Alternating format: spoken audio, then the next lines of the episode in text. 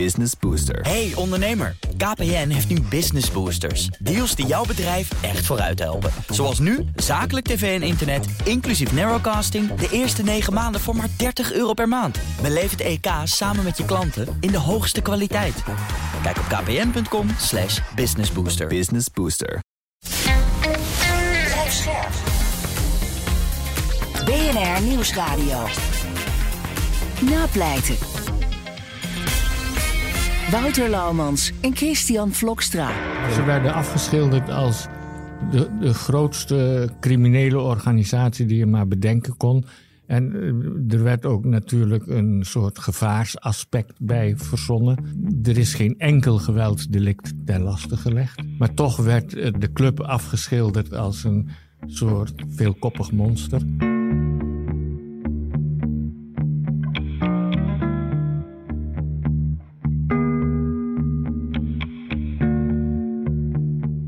Hallo en welkom bij Napleiten, de podcast waarin we met advocaten en officieren van justitie en ook rechters praten over strafzaken die hen altijd zijn bijgebleven. Mijn naam is Wouter Laumans en naast me zit als gebruikelijk strafpleiter Chris Vlokstra. Welkom Chris. Dankjewel Wouter. Eerst even de huisregels. In deze podcast praten we over definitief afgedane zaken en vanwege de journalistieke zuiverheid behandelen we ook geen zaken waar Chris betrokken bij is geweest. Chris, Hoeveel zaken heb jij in je leven ge- meegemaakt die de boeken zijn ingegaan als het proces van de eeuw? Ehm, nou, volgens mij is de passagezaak misschien zo genoemd. Dat weet ik eigenlijk niet zeker.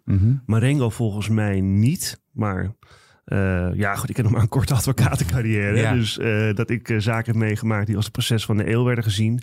Maar goed, het, het wordt hele grote zaken worden natuurlijk door de media al snel als proces van de eeuw gepresenteerd. Ja, inderdaad. Nou, daar gaat het dus ook over. Het proces van de eeuw. Dat is weliswaar de vorige eeuw. Eh, het is de benaming voor de zaak die we vandaag gaan bespreken. Eh, een andere benaming, en die is ook wel bekend, dat is het Hakkelaarproces. De zaak speelde eind jaren negentig en draaide om hashbaronnen Johan V., ook wel de Hakkelaar, Koos R. en Bertus K. Eh, zij werden ervan verdacht samen met anderen zich bezig te hebben gehouden met grootschalige handel in drugs. Eh, in de zaak moest de Amsterdamse rechtbank beslissen of het toelaatbaar is dat het Openbaar Ministerie gebruik maakte van de verklaringen die twee leden van de criminele organisatie tegen hun voormalige partners in crime hadden afgelegd in ruil voor strafvermindering. Ja, Chris, dat is een, eh een Ja. hè, noemen we dat. Het begin. Ja, juristen hadden het over een revolutie in het strafproces. Bij ons te gast vandaag is een advocaat die eigenlijk geen introductie behoeft. Gerard Spong, welkom. Ja, hallo. Eh, dit jaar 50 jaar in, een, in het vak, hè? Dat Ja, is een mensenleven. Absoluut, eh, maar het voelt alsof het nog de dag van gisteren is, Oh ja? toen ik begon. En wat is in die tijd dan, wat, vind- wat vind jij de grootste verandering die, in jouw werk? Eh, oei, dat is een moeilijke vraag, omdat de veranderingen die hebben zich op verschillend niveau voorgedaan.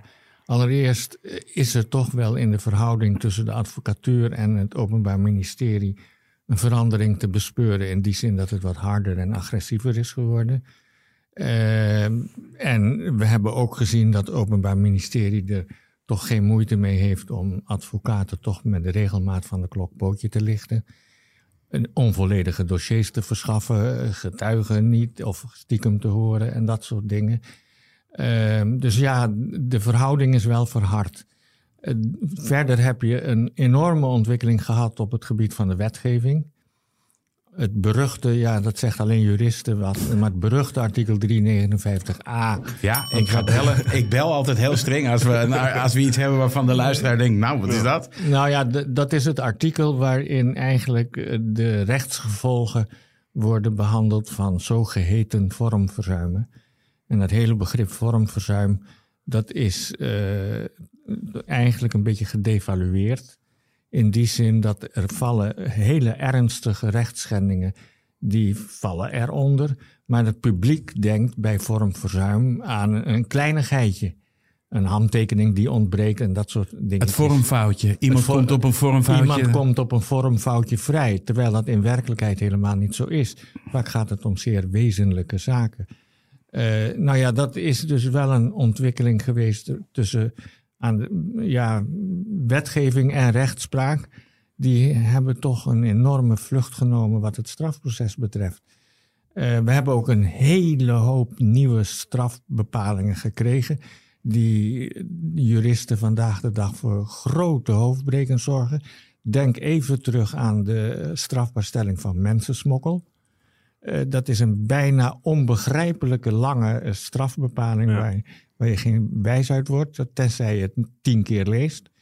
Uh, denk ook terug aan de. Chris zit er een beetje te grijnzen, want jij herkent dit wel, hè? Ja, ja ik luister ja. geïnteresseerd, maar dat zijn herkenbare punten die. Ja, denk even ook, dat wordt bijna dagelijks wordt dat, uh, uh, opgepakt door het Openbaar Ministerie. De strafbaarstelling van witwassen. is pas in 2001 strafbaar gesteld. Nou ja, ik kan nog wel even doorgaan. Maar dat zijn wel grote ontwikkelingen geweest. Hey, de, je, je, hebt het over de verharding van het Openbaar Ministerie richting advocatuur vanuit het Openbaar Ministerie klinkt juist weer van nou, die advocatuur die pakt ons zo hard telkens aan en de omgangsvormen. Is, de, is, de, is dat ook iets wat jij signaleert of is het echt een richtingsverkeer nee, in jouw ik, beleving? Nee, het is voor mij toch persoonlijk zeg ik altijd, ik streef, zo, ik streef een zo goed mogelijke verhouding met het Openbaar Ministerie na. En, uh, je kan, maar ja, je moet natuurlijk wel eens een keertje uh, een voltreffer uitdelen. Ja, nou en dat kon Gerard wel. Hè? Ja. Nog steeds wel. Mag ik een andere vraag stellen over, uh, over die 50 jaar, Gerard? Ja, Hè? Um, kijk, ik als advocaat merk wel dat ik een bepaalde ontwikkeling doormaak. Hè? Dat, ik, dat ik op bepaalde punten beter word. Um, als jij naar, naar jezelf kijkt de afgelopen 50 jaar... Uh, wat is nou echt zeg maar, een kwaliteit die jij zeg maar, in die 50 jaar, een belangrijke kwaliteit voor een strafrechtadvocaat wat jou betreft, die je in die 50 jaar goed hebt ontwikkeld? Of wat zeg maar echt gekomen is met de jaren? Uh, nou, dat hangt ook een beetje samen met mijn cassatiepraktijk. Ik doe veel zaken bij de Hoge Raad, dat zijn cassatiezaken. Uh, daardoor leer je toch eigenlijk de juridische techniciteit beter in je vingers te krijgen. En uh, wat mijn ontwikkeling is, denk ik, is het maken van een goed pleidooi. Het maken van een goede pleitnotitie. Hoe bouw je het op? Welke argumenten gebruik je? Wanneer gebruik je de argumenten? Dat ja. soort dingen. Ja. En dat komt met de loop der jaren. Ben jij steeds korter van stof geworden in een pleitnota? Uh, ik, ik, denk het wel. Ja, dat, dat hoor je vaak, hè? Ja, sorry, die, ja. ja die jonkies, uh, dat, ja. de jonkies die gaan uh, bij alle schepen voor anker liggen. Dat hoor je wel eens in de, ja, in de rechtbank. nee, ik denk het wel. Ik denk het wel. Ik ben nu bezig met een pleitnotitie en die is, heb ik geteld toen ik hier naartoe kwam. 53 pagina's. Dat is voor mij een uitzonderlijk lange pleitnotitie. Ja. En dat is als ik kijk hoe het nou, nu bij Marengo en weet ik veel wat gaat. Ja. Ja, dat zijn natuurlijk ook enorme feitcomplexen. Ja, maar mijn dossier van 53 pleitnootpagina's beslaat een dossier van 30 ordners. Ja. Zo. Ja. Dus, ja, ja, het is ook soms Les lastig is more, Vlokstra. Nou ja, kijk, ik ben ook van de, van de, van de korte pleitnota's, ook, of kortere pleitnota's steeds. Ook al omdat je vanuit de rechterlijke macht heel vaak hoort hè, dat, dat de luiken eigenlijk gewoon dichtgaan als het te lang duurt. Ja, daar heeft mijn cliënt uh, niet zoveel aan. Dus ik kan wel vinden dat het onterecht is. Maar uh, zeker ja. als je aan het eind van de middag moet pleiten ja. en de vermoeidheid toeslaat, dan kun je maar beter schieten op uh, nou, de meest belangrijke punten. Dus ik vind dat ook een belangrijk. Ja, het is een noodzakelijke kwaliteit, denk ik ook, om, dat, om dat te doen. Uh, wij vragen onze gasten altijd om een zaak ik uit. Ik moet even inbreken met iets. Ik hoorde je zo even zeggen de Hakkelaarzaak. Maar ik moet er direct aan toevoegen dat Johan V. die bijnaam niet erg op prijs stelt. Oké. Okay. Hij praat liever over de octopuszaak. Oké, okay, dus waarvan akte bij deze? Okay. Um, ja, nou zullen we de intro even opnieuw opnemen. Nee, nee, nee. nee ja, maar ik bedoel, hij wordt in de ja. media wordt hij natuurlijk zo genoemd. Toch? Ja. Ja. Uh, tot ergernis van cliënt. Ja, maar ik zal het dus niet zo gauw. Nee, maar dat, dat, dat, uh, dat, die neem ik voor mijn rekening. Oké. Okay. Uh, de octopuszaak. De octopuszaak. um, Gerard, waarom heb jij... Uh, we vragen altijd onze gasten om een zaak te kiezen. Waarom heb jij voor deze zaak gekozen? Uh, ik heb voor deze zaak gekozen omdat het by far natuurlijk wel een zaak is...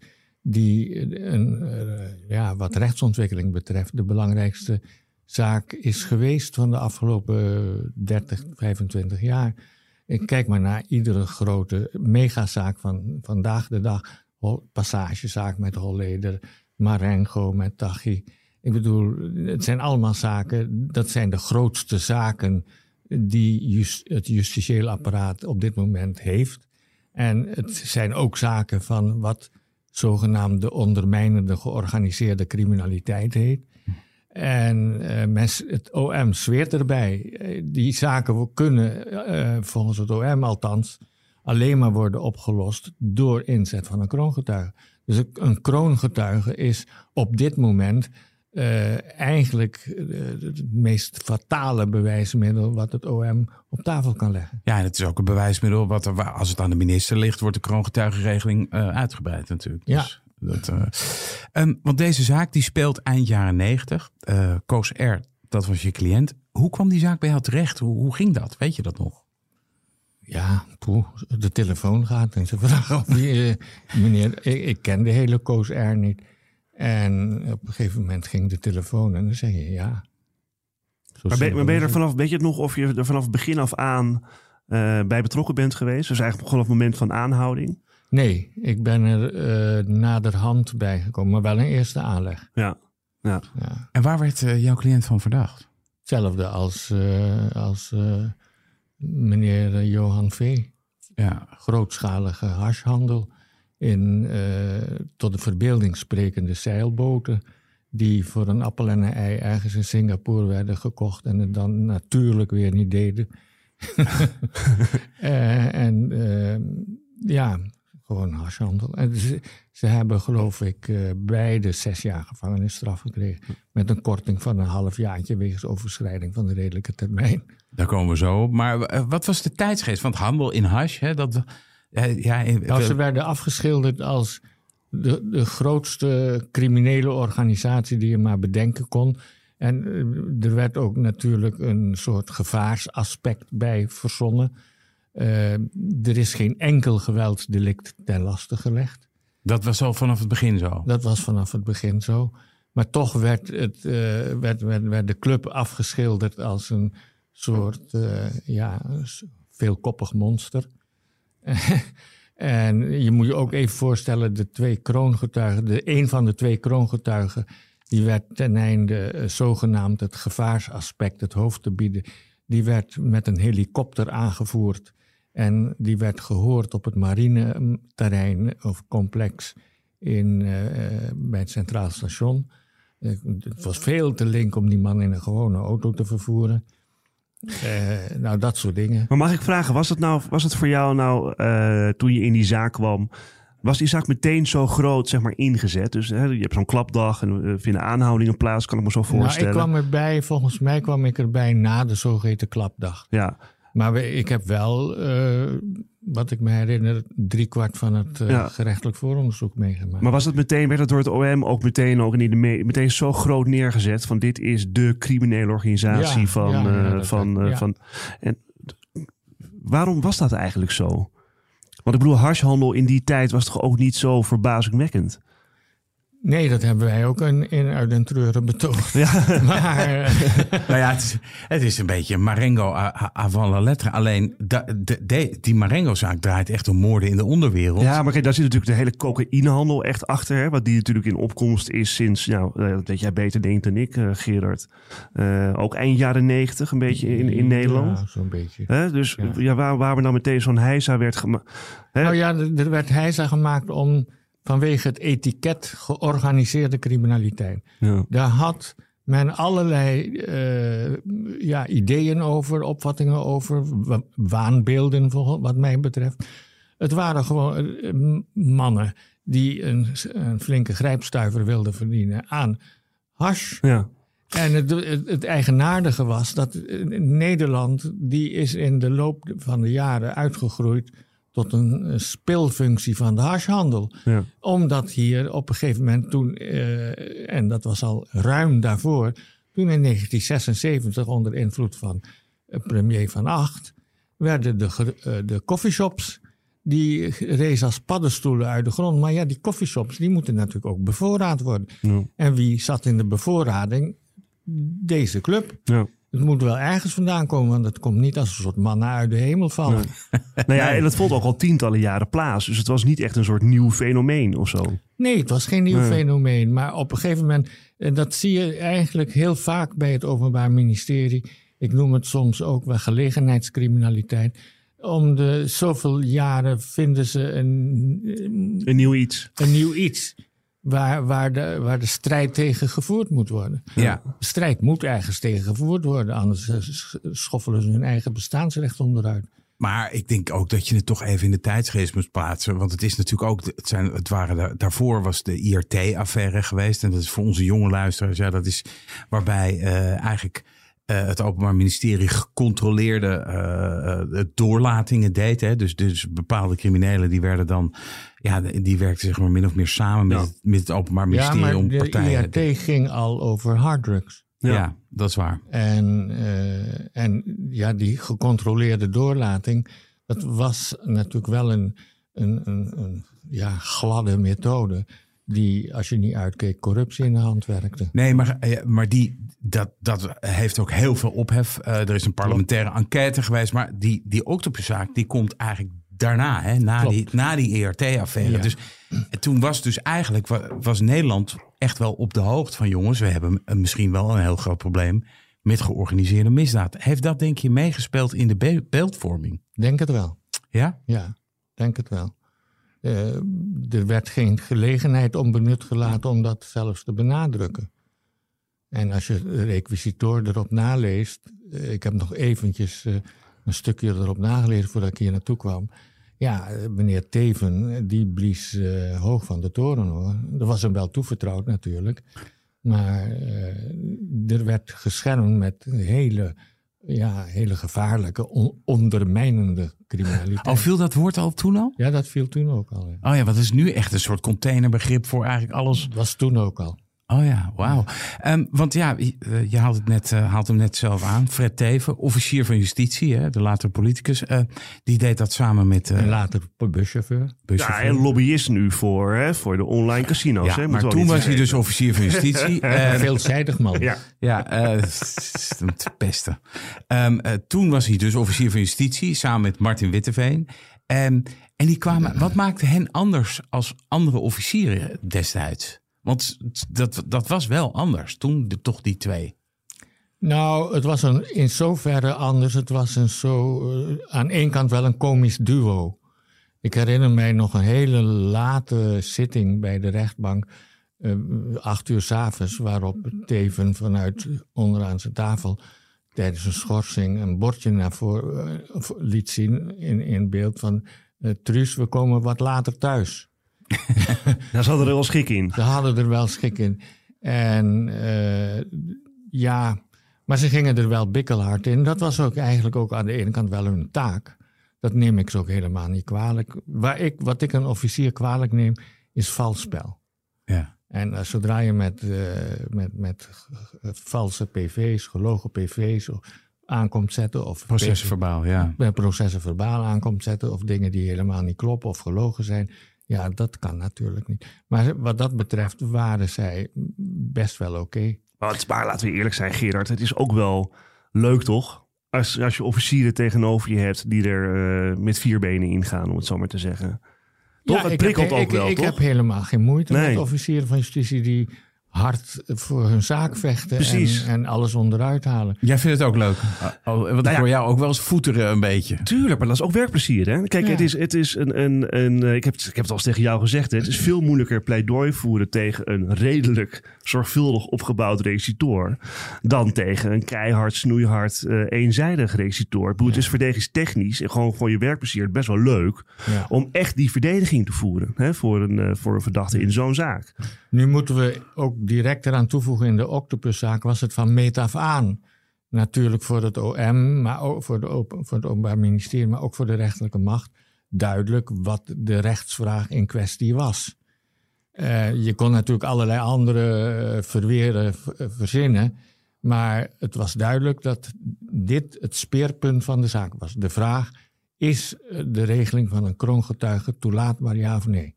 Ja, want daar komen hè, dus de, de, de twee officieren die, nou, die werden in de pers gepresenteerd als een soort crime fighters. En hun wapen Ja, waren kroon. twee kroongetuigen. Ja, En eh, toen jij dat voor het eerst je realiseerde dat hier kroongetuigen eh, werden ingezet, weet je nog wat je toen dacht?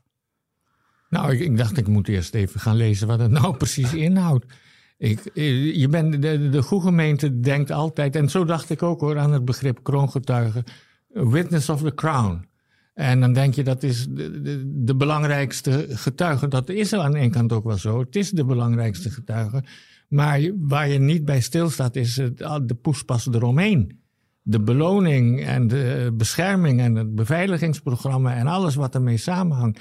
Dat realiseer je nog niet. Dus toen eh, ben ik gewoon gaan studeren. En ik had ook nog geluk dat ik het samen deed met Gerard Mols. En Gerard Mols was hoogleraar strafrecht. Dus die had in een mum van tijd, dankzij hele ijverige studenten, een, een lading vol aan literatuur over de kroongetuigen. In Engeland, in Frankrijk, in Amerika. Ja, want het was eigenlijk betrekkelijk nieuw. Hè? In Nederland gebeurde het In Nederland gebeurde het niet. Het was nieuw, maar wij moesten het wiel opnieuw uitvinden. Ja, maar realiseer je even, Wout. Kijk, we hebben nu hebben we een kroogtuigenregeling. Hè, daar is ook van alles op aan te merken. Maar Ja. hè, een wettelijke regeling waarin in de wet staat omschreven... Hè, onder welke voorwaarden eh, dit mag. Maar dat was toen tijd helemaal niet zo, toch? Nee, er was geen wettelijke regeling. Dit was Er gewoon bedacht door het Openbaar Ministerie. Ja, nu had het Openbaar Ministerie natuurlijk ook over de grenzen heen gekeken. Dus, eh, maar er was geen wettelijke regeling. Ze probeerden natuurlijk wel een beetje binnen de lijntjes te kleuren. Door te zeggen van nou, het is allemaal heel proportioneel en heel en, en, en het subsidiariteitsbeginsel. Ja, dan gaan we. Subsidiariteitsbeginsel. Ja, ik, ik, Gerard moet dat zelf uitleggen, dit soort Ja, dingen. het subsidiariteitsbeginsel houdt in dat je pas tot een bepaalde handeling of methode mag overgaan als alle andere methoden falen. ja, ja. Dus eh, Een ultimum remedium, zeg maar. nou, nog net niet. Maar het, het, het komt pas, je mag het pas gebruiken als andere opsporingsmethoden geen zoden aan de dijk hebben gezet. En dat werd natuurlijk betoogd. Eh, maar wat, er was dus geen wettelijke regeling en die is er gekomen. Maar de problemen die zijn eigenlijk onveranderd gebleven. Het probleem van toen en het probleem van nu. Want wat waren de problemen van toen? Nou, de probleem van toen eh, waren dat wij de verdediging vond dat er meer werd beloond en meer werd toegezegd aan beloning dan eigenlijk aanvaardbaar is. En nu is in de wet daar wel een regeling voor opgenomen, eh, wat tot waar een officier van justitie kan gaan in de beloning. Maar hij mag niet meer dan de helft van de gevorderde straf toezeggen als beloning. Hij mag geen geldbedragen toezeggen, dat soort dingen. En dat was eigenlijk toen de tijd ook zo bij eh, de octopus. Alleen wij probeerden natuurlijk te achterhalen dat er nog heel wat eh, andere onder de, cadeautjes onder de tafel eh, waren gegaan. Wat kun je uitleggen, Gerard? eh, hoe zat de deal toen tijd in elkaar? Dus wat, wat, was de, wat was de deal die die deze twee kroongetuigen hadden gehad? Weet je dat nog?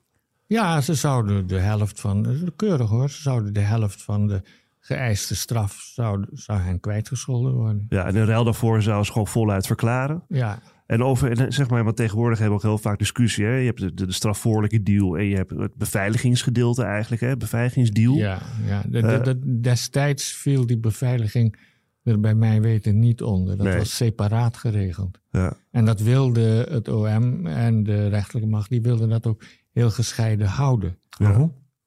Nou ja, door te zeggen, dit valt strikt genomen niet onder de deal. Oké, want dat is nu echt anders. Dat is nu anders, ja. Eh, jouw cliënt, hè, dat vraag ik me altijd af.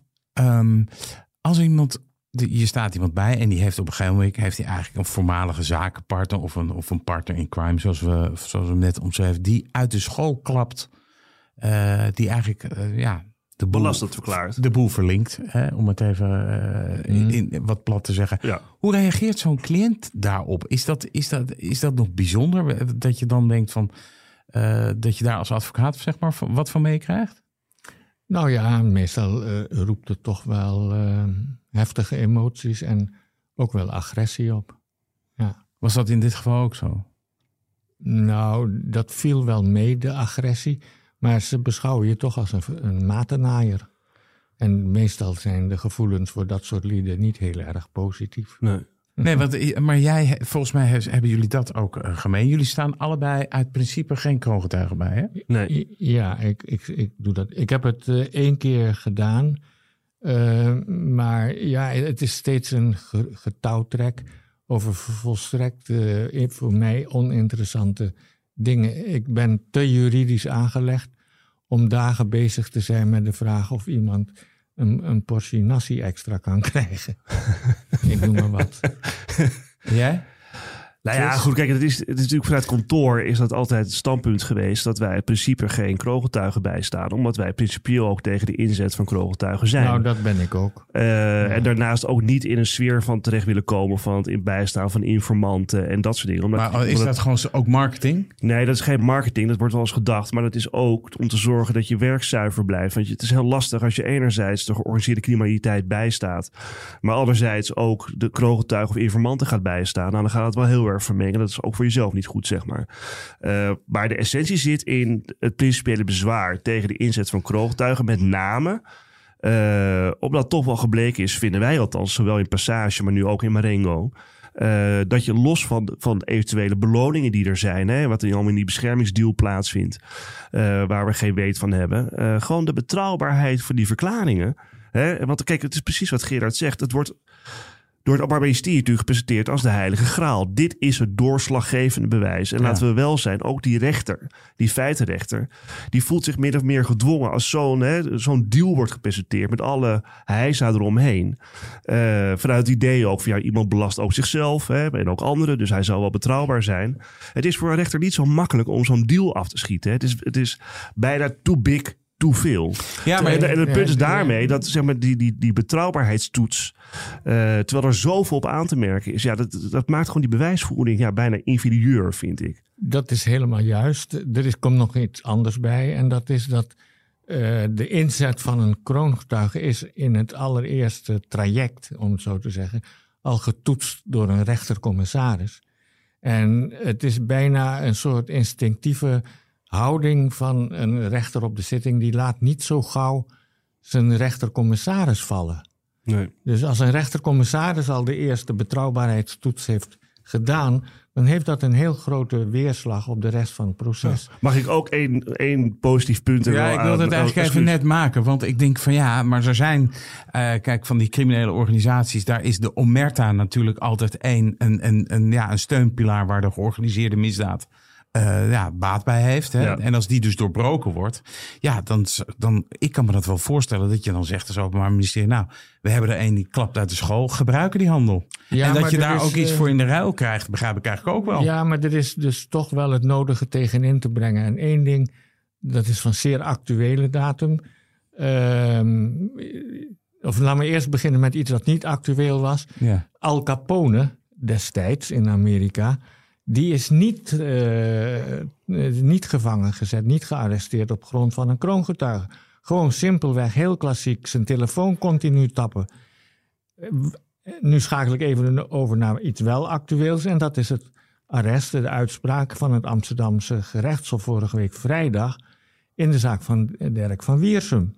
Als je dat arrest bleek, dan blijkt dat ze alle getuigenverklaringen niet hebben gebruikt voor het bewijs maar puur hun veroordeling ja. hebben gebaseerd op technisch bewijs. Die snap niet... ik, wacht even, ja. die snap ik Gerard, die snap ik. Maar er zijn natuurlijk hè, in de tijd uh, als mensen zich bijvoorbeeld, als, als je een criminele organisatie hebt die niet over de telefoon praat en die bijvoorbeeld geen gebruik maakt van PGP-telefoons die later gekraakt die zijn. Die moeten nog uitgevonden worden. Nee, ja, maar goed, uh, in, de, in theorie is dat natuurlijk... Ja. Dan, dan heb je dus eigenlijk als overheid geen wapen anders dan de kroongetuigen. Zeker, ja. maar, maar, maar, kijk ook eens terug, hè, ter onderbouwing van wat Gerard eigenlijk zegt. Als je nou kijkt naar Passage uh, en naar Marengo...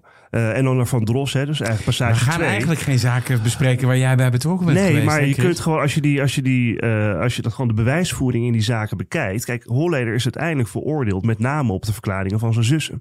Als je kijkt naar Marengo, daar is het doorslaggevende bewijs met name het PGP-bewijs.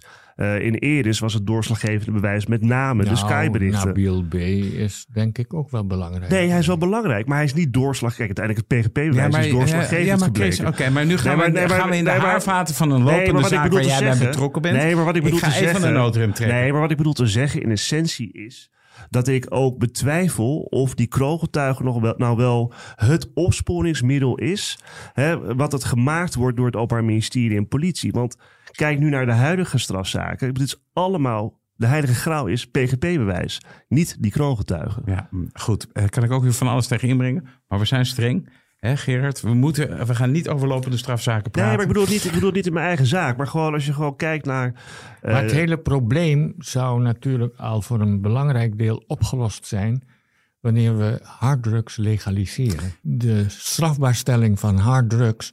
dat is in wezen uh, de oorzaak van het ontstaan van uh, ondermijnende georganiseerde criminaliteit met alle gevolgen van dien, uh, doden, moorden, liquidaties, etc.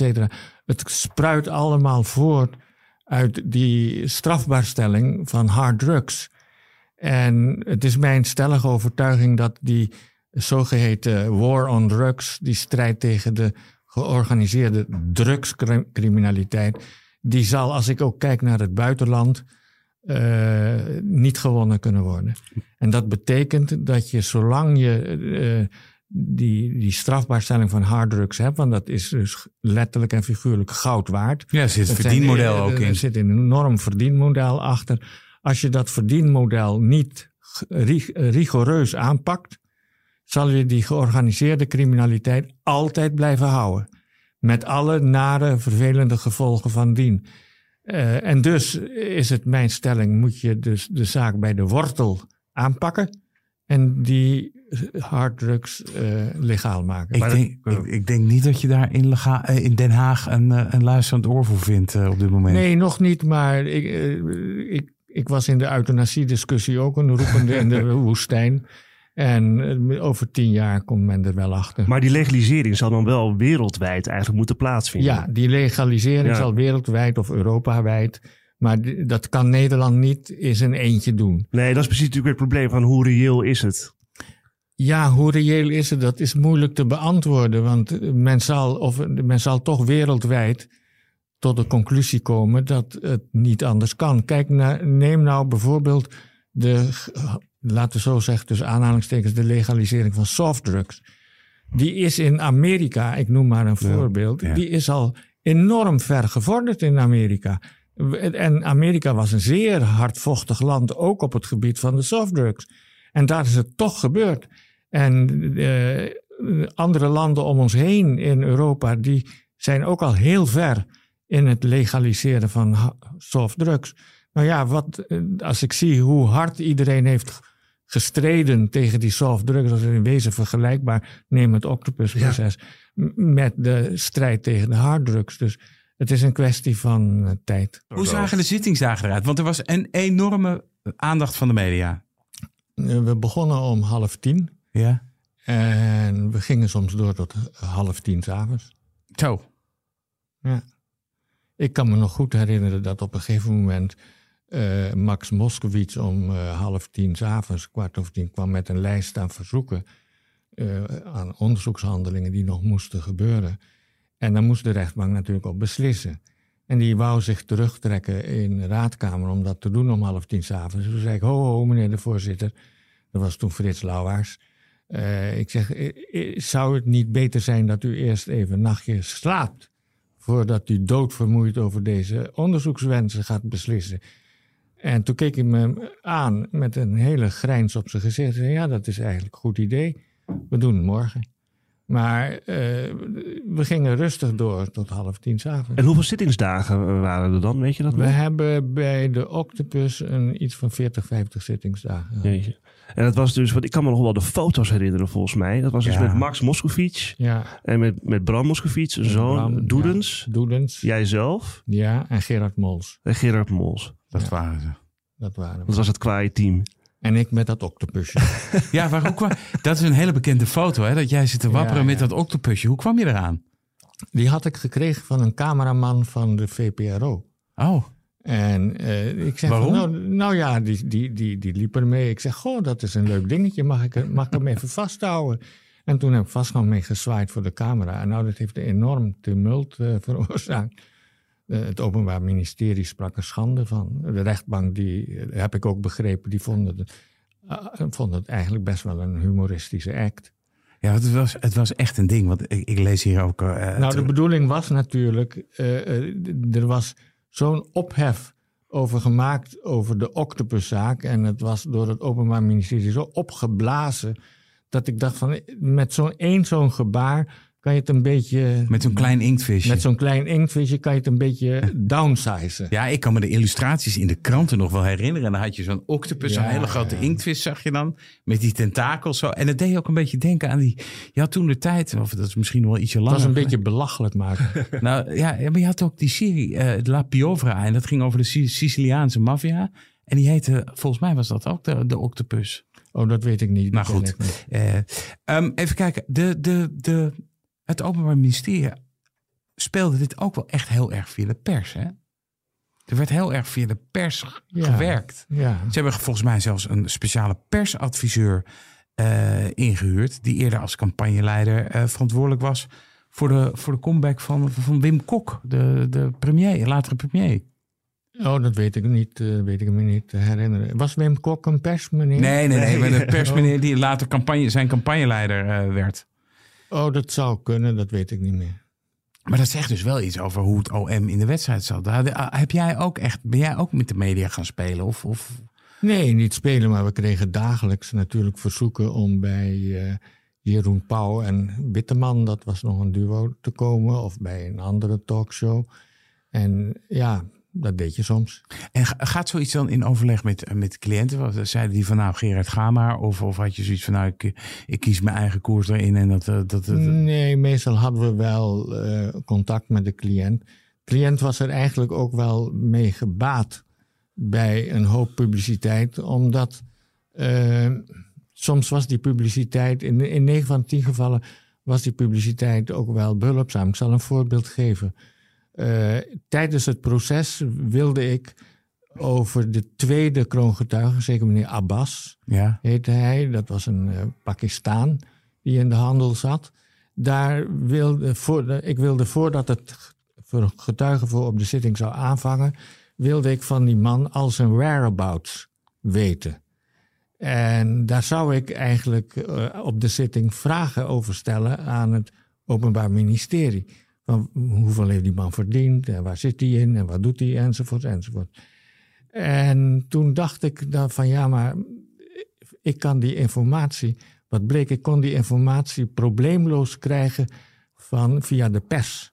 Ja. Er was één specifieke krant, ik zal niet noemen welke, die had een, een, een perscontact in Londen en die kon mij die informatie binnen 24 uur verschaffen. Oh ja joh. Ja, en toen heb ik eh, eh, gezegd, nou dat doe ik. Dan krijgen jullie een primeur en ik krijg die informatie. Oh echt? Zo marchanderen. Zo marchanderen. En dat werkte perfect. Ehm, het horen van die kroongetuigen. Ja, want ze waren belangrijk voor de, voor de bewijsvoering hè, van Ja. het Openbaar Ministerie. Ehm, eh, hadden jullie veel ja, pijlen om te schieten, zeg maar? Even los van de deal, maar gewoon puur als het ging om de betrouwbaarheid van de inhoud van de verklaringen van deze twee kroongetuigen. Ja, wel. We hadden zowel voor Abbas als voor Karman, de andere, hadden we natuurlijk een hele hoop vragen over de, laat me zo zeggen, de extra deals. De onder de tafel deals, van welke voordelen ze nou precies hadden genoten. Ja. Daar hadden we Maar ook zaaksinhoudelijk bedoel ik. Want ze, want ze hadden natuurlijk een zaaksinhoudelijk verteld hè, over ja, de handel ja, van, van jullie cliënten. eh, Het verhoor duurde bij beide een hele dag zo'n beetje. Ja. En, maar konden jullie hem ook echt, konden jullie ze ook echt zeg maar, ja, inhoudelijk aanvallen? Vond ik wel. Ja. Ja, Ja. vond ik wel. Hadden zij ook, eh, het, het ging dat eigenlijk nu, is dat weet ik eigenlijk niet. Of dat vergelijkbaar ging met, met wat je nu ziet. Dat, Nou, nu dat zij die- ook advocaten hadden die... die ja, die, ze hadden ook advocaat. eh, Marcel van Gessel was toen de advocaat van Karman. Wie van Abbas was, die had geloof ik geen advocaat. Ehm, en wij, er was een beetje een ongemakkelijke verhouding tussen ons en Marcel van Gessel. Want ja, voor ons was hij toch eigenlijk de advocaat van de Matenaaier. En eh, dus we hadden ook eigenlijk niet of nauwelijks contact met hem. Vond ik eigenlijk heel vervelend. maar je, kon ook, je kwam elkaar op de gang dan gewoon tegen Je natuurlijk. komt elkaar eh, Ja. in de gang tegen. Je zit we zitten aan dezelfde tafel, bij wijze van spreken, een broodje te eten tijdens de lunch. Eh, maar er was toch een wat, wat, wat, wat ja, een distantie tussen ons. Ehm, vond ik eigenlijk niet prettig. En, want, want eigenlijk zag je toch dat, dat de advocaat van de kroongetuige... dat was een beetje eh, een maatje van het Openbaar Ministerie. Oh, En- Maar dan en- heb je natuurlijk- En dan ontstaat er een hele ongemakkelijke eh, sfeer eigenlijk. Dat vond ik, eh, vond ik niet, niet prettig. maar had je niet zo... Want dat is natuurlijk een verwijt wat aan advocaten ook altijd gemaakt wordt. Van ja, je bent een, een maatje van degene die, die, daar, die daar terecht staat. Eh, had je niet zoiets van, joh, die, die probeert ook gewoon... eh, die advocaat van die kroongetuigen, die probeert ook gewoon zijn werk te doen. En ja, dat hadden, hadden we ook wel. Maar desalniettemin kom je toch een beetje in een spagaat terecht. Ja. Ja, ja, maar het is weet je, in een, straf, een strafrechtadvocatuur, hè, zeker als je eh, in de georganiseerde misdaad hè, eh, groepen bijstaat, ja, dan zit je zelf, dus met alle advocaten heb je vaak hetzelfde belang hè, Ja. eh, wat je De dient. kroongetuigen tackelen. Nee, maar los van die kroongetuigen. Alleen, Ja. hè, je, je staat niet tegenover elkaar. hè. Je bent Nee. gewoon als advocatuur ben je een beetje een blok. En dan heb je het OM en je hebt de rechterlijke macht. En die rollen zijn duidelijk. En op het moment dat je natuurlijk advocaten hebt die, die ja, hele duidelijke tegenstrijdige belangen dienen. Ook nog in samenwerking met het Openbaar Ministerie. Dat verandert die verhoudingen. Dat zie je bijvoorbeeld ook nu een beetje, vind ik, met slachtofferadvocaten. Ja. Dat die verhoudingen ook veranderen. Omdat dat eigenlijk niet zo Ja. gewend zijn. Ja. Dat, en dat maakt het dan lastig. En nu is dat helemaal zo in de huidige tijd omdat natuurlijk de advocaat van de kroongetuige ook heel erg afgeschermd worden. Hè? Ja. En echt in een ander traject zitten dan, ja, want- dan wij. Want dat vroeg me nog af. Wa- waren die beveiligingsrisico's, was dat toen echt al een issue? Van nou, die twee moeten echt op hun tellen gaan passen, want die, die, die lopen mogelijk groot gevaar, die twee kroongetuigen. of hun werd- omgeving. Dat werd door het Openbaar Ministerie ten aanzien van deze twee kroongetuigen, eh, Abbas en Kamer, wel gezegd, ja. Maar bijvoorbeeld de beveiligingsmaatregelen. Ik had geen beveiligingsmaatregelen. Eh, voor zover ik weet waren ook de beveiligingsmaatregelen van de rechtbank vrij minimaal. Eh, En dat vond allemaal op de rechtbank plaats ook gewoon, het toch? vond op de rechtbank Ja. plaats en de rechtbank werd in een tweedehands autobusje s ochtends opgehaald.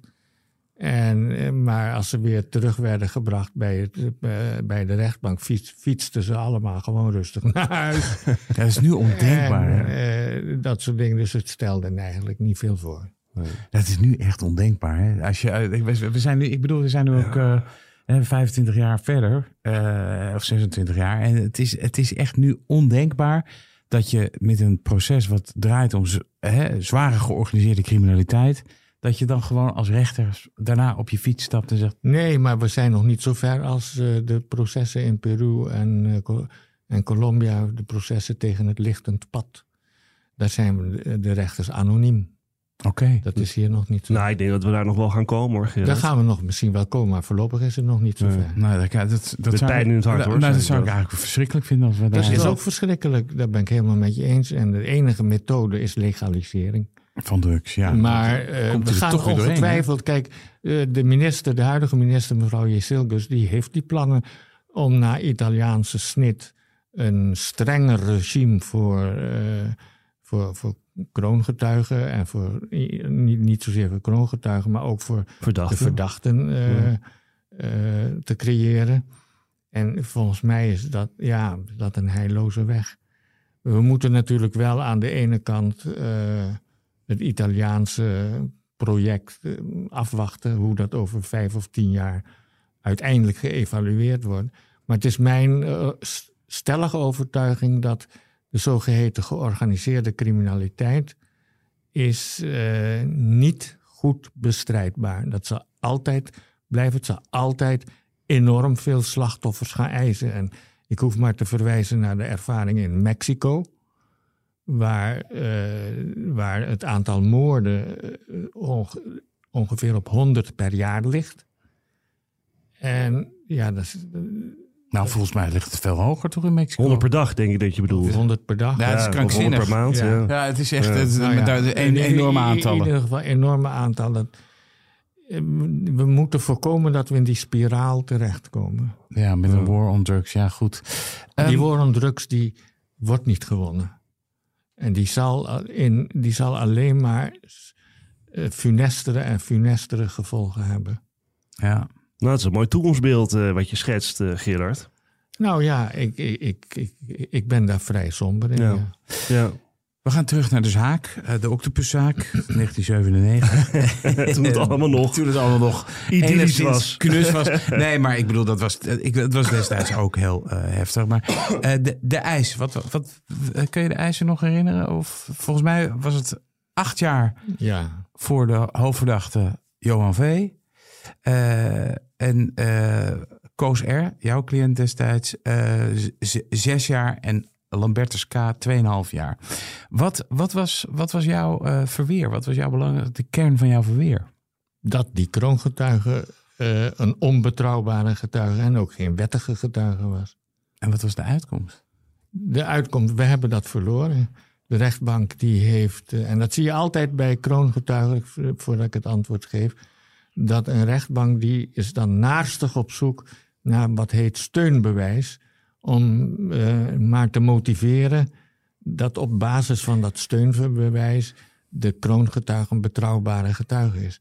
Ik ga steunbewijs, steunbewijs. Steunbewijs. Ja. Oh, nou ja, ik dacht dat dat een vrij simpele uitdrukking was. Nou ja, iets, Maar- ja, het is natuurlijk... Steunbewijs is, eh, om het anders te zeggen, ondersteunend bewijs. Ja. In die zin dat men op zoek gaat naar andere bewijzen die eh, materiaal leveren om te zeggen, meneer of mevrouw de kroongetuige is betrouwbaar. Ja.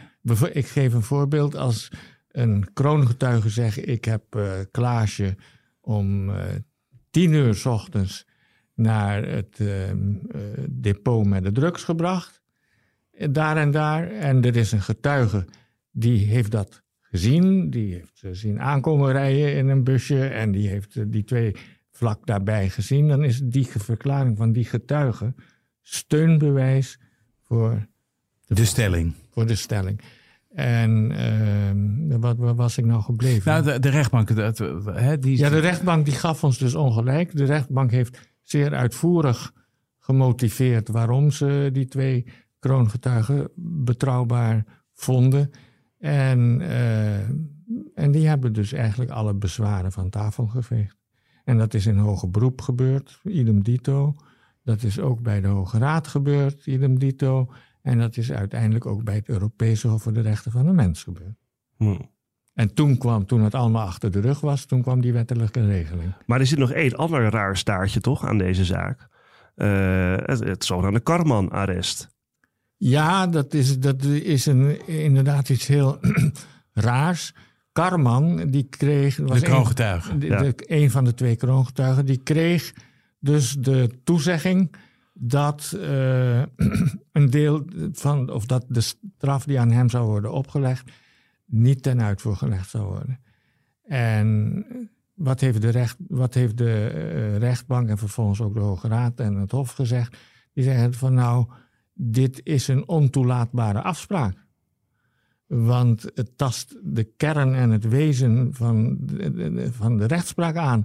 Die, als je dus een oordeel van de rechter naast je neerlegt, ja, dat is zo ernstig dat het Openbaar Ministerie in die zaak niet ontvankelijk verklaard moest worden. Dus Ja. dat hebben ze gedaan. Dat was natuurlijk een idiote situatie. Aan de ene kant hang je mensen op op basis van die kroongetuigenverklaring.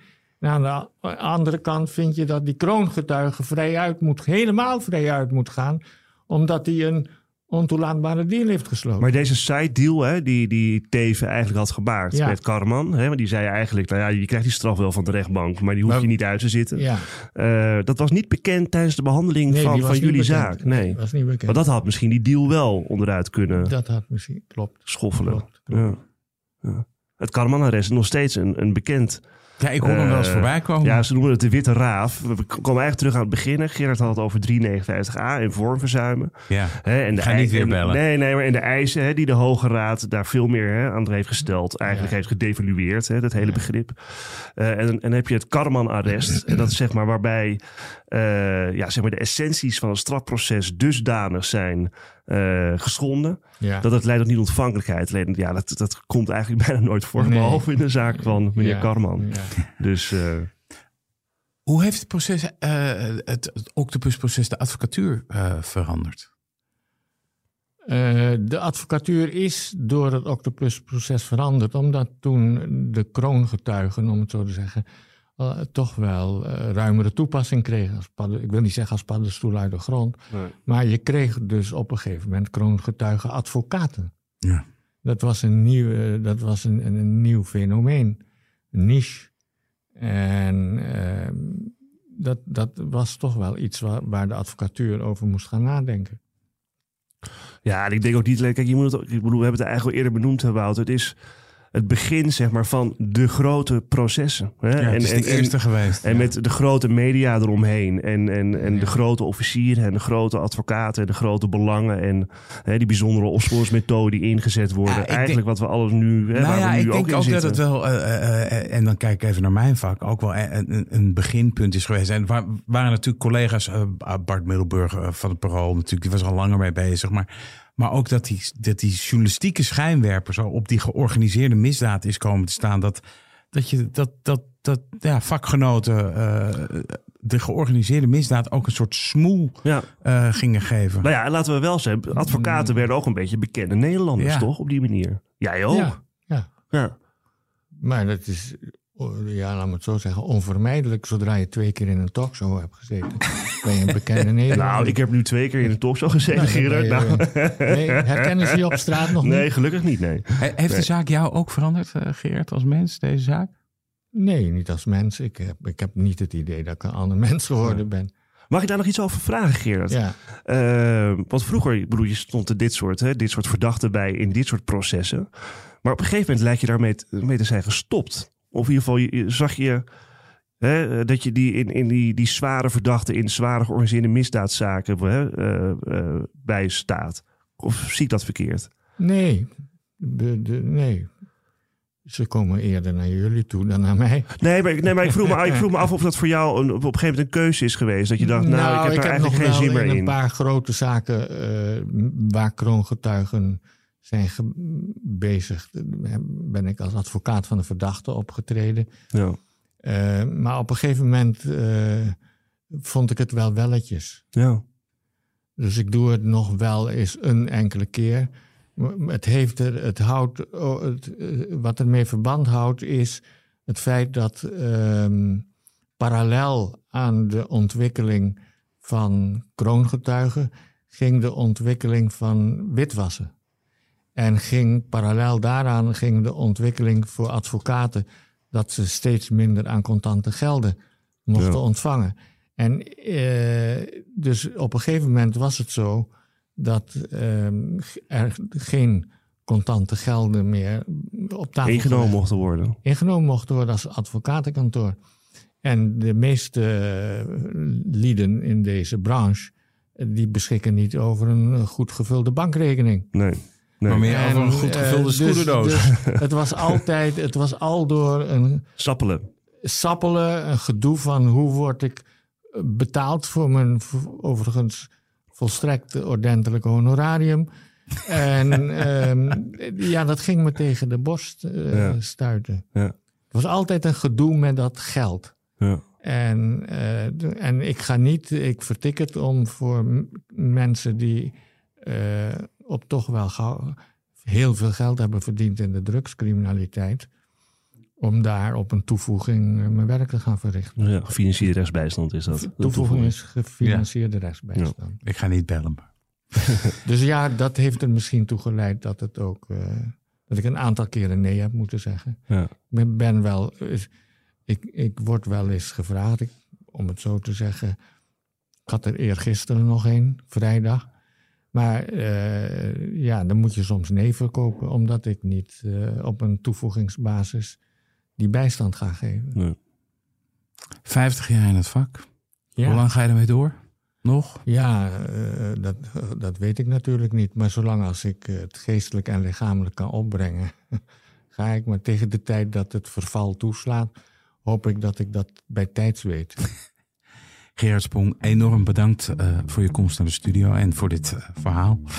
Dit was Napleiten. Het vonnis in deze zaak is na te lezen op rechtspraak.nl. Mijn naam is Wouter Laumans en naast me zit co-host advocaat Christian Vlokstra. Deze podcast is te beluisteren op Apple Podcasts en Spotify. Vergeet u vooral niet te abonneren, dan bent u op de hoogte als er een nieuwe aflevering online staat. Verder zijn we te volgen op Twitter en Instagram. Dank voor het luisteren en heel graag tot de volgende keer.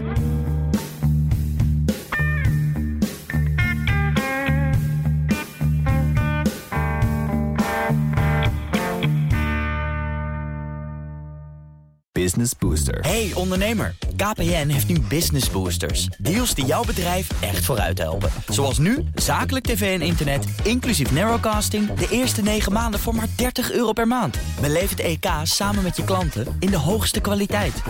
Kijk op kpn.com businessbooster. Business Booster.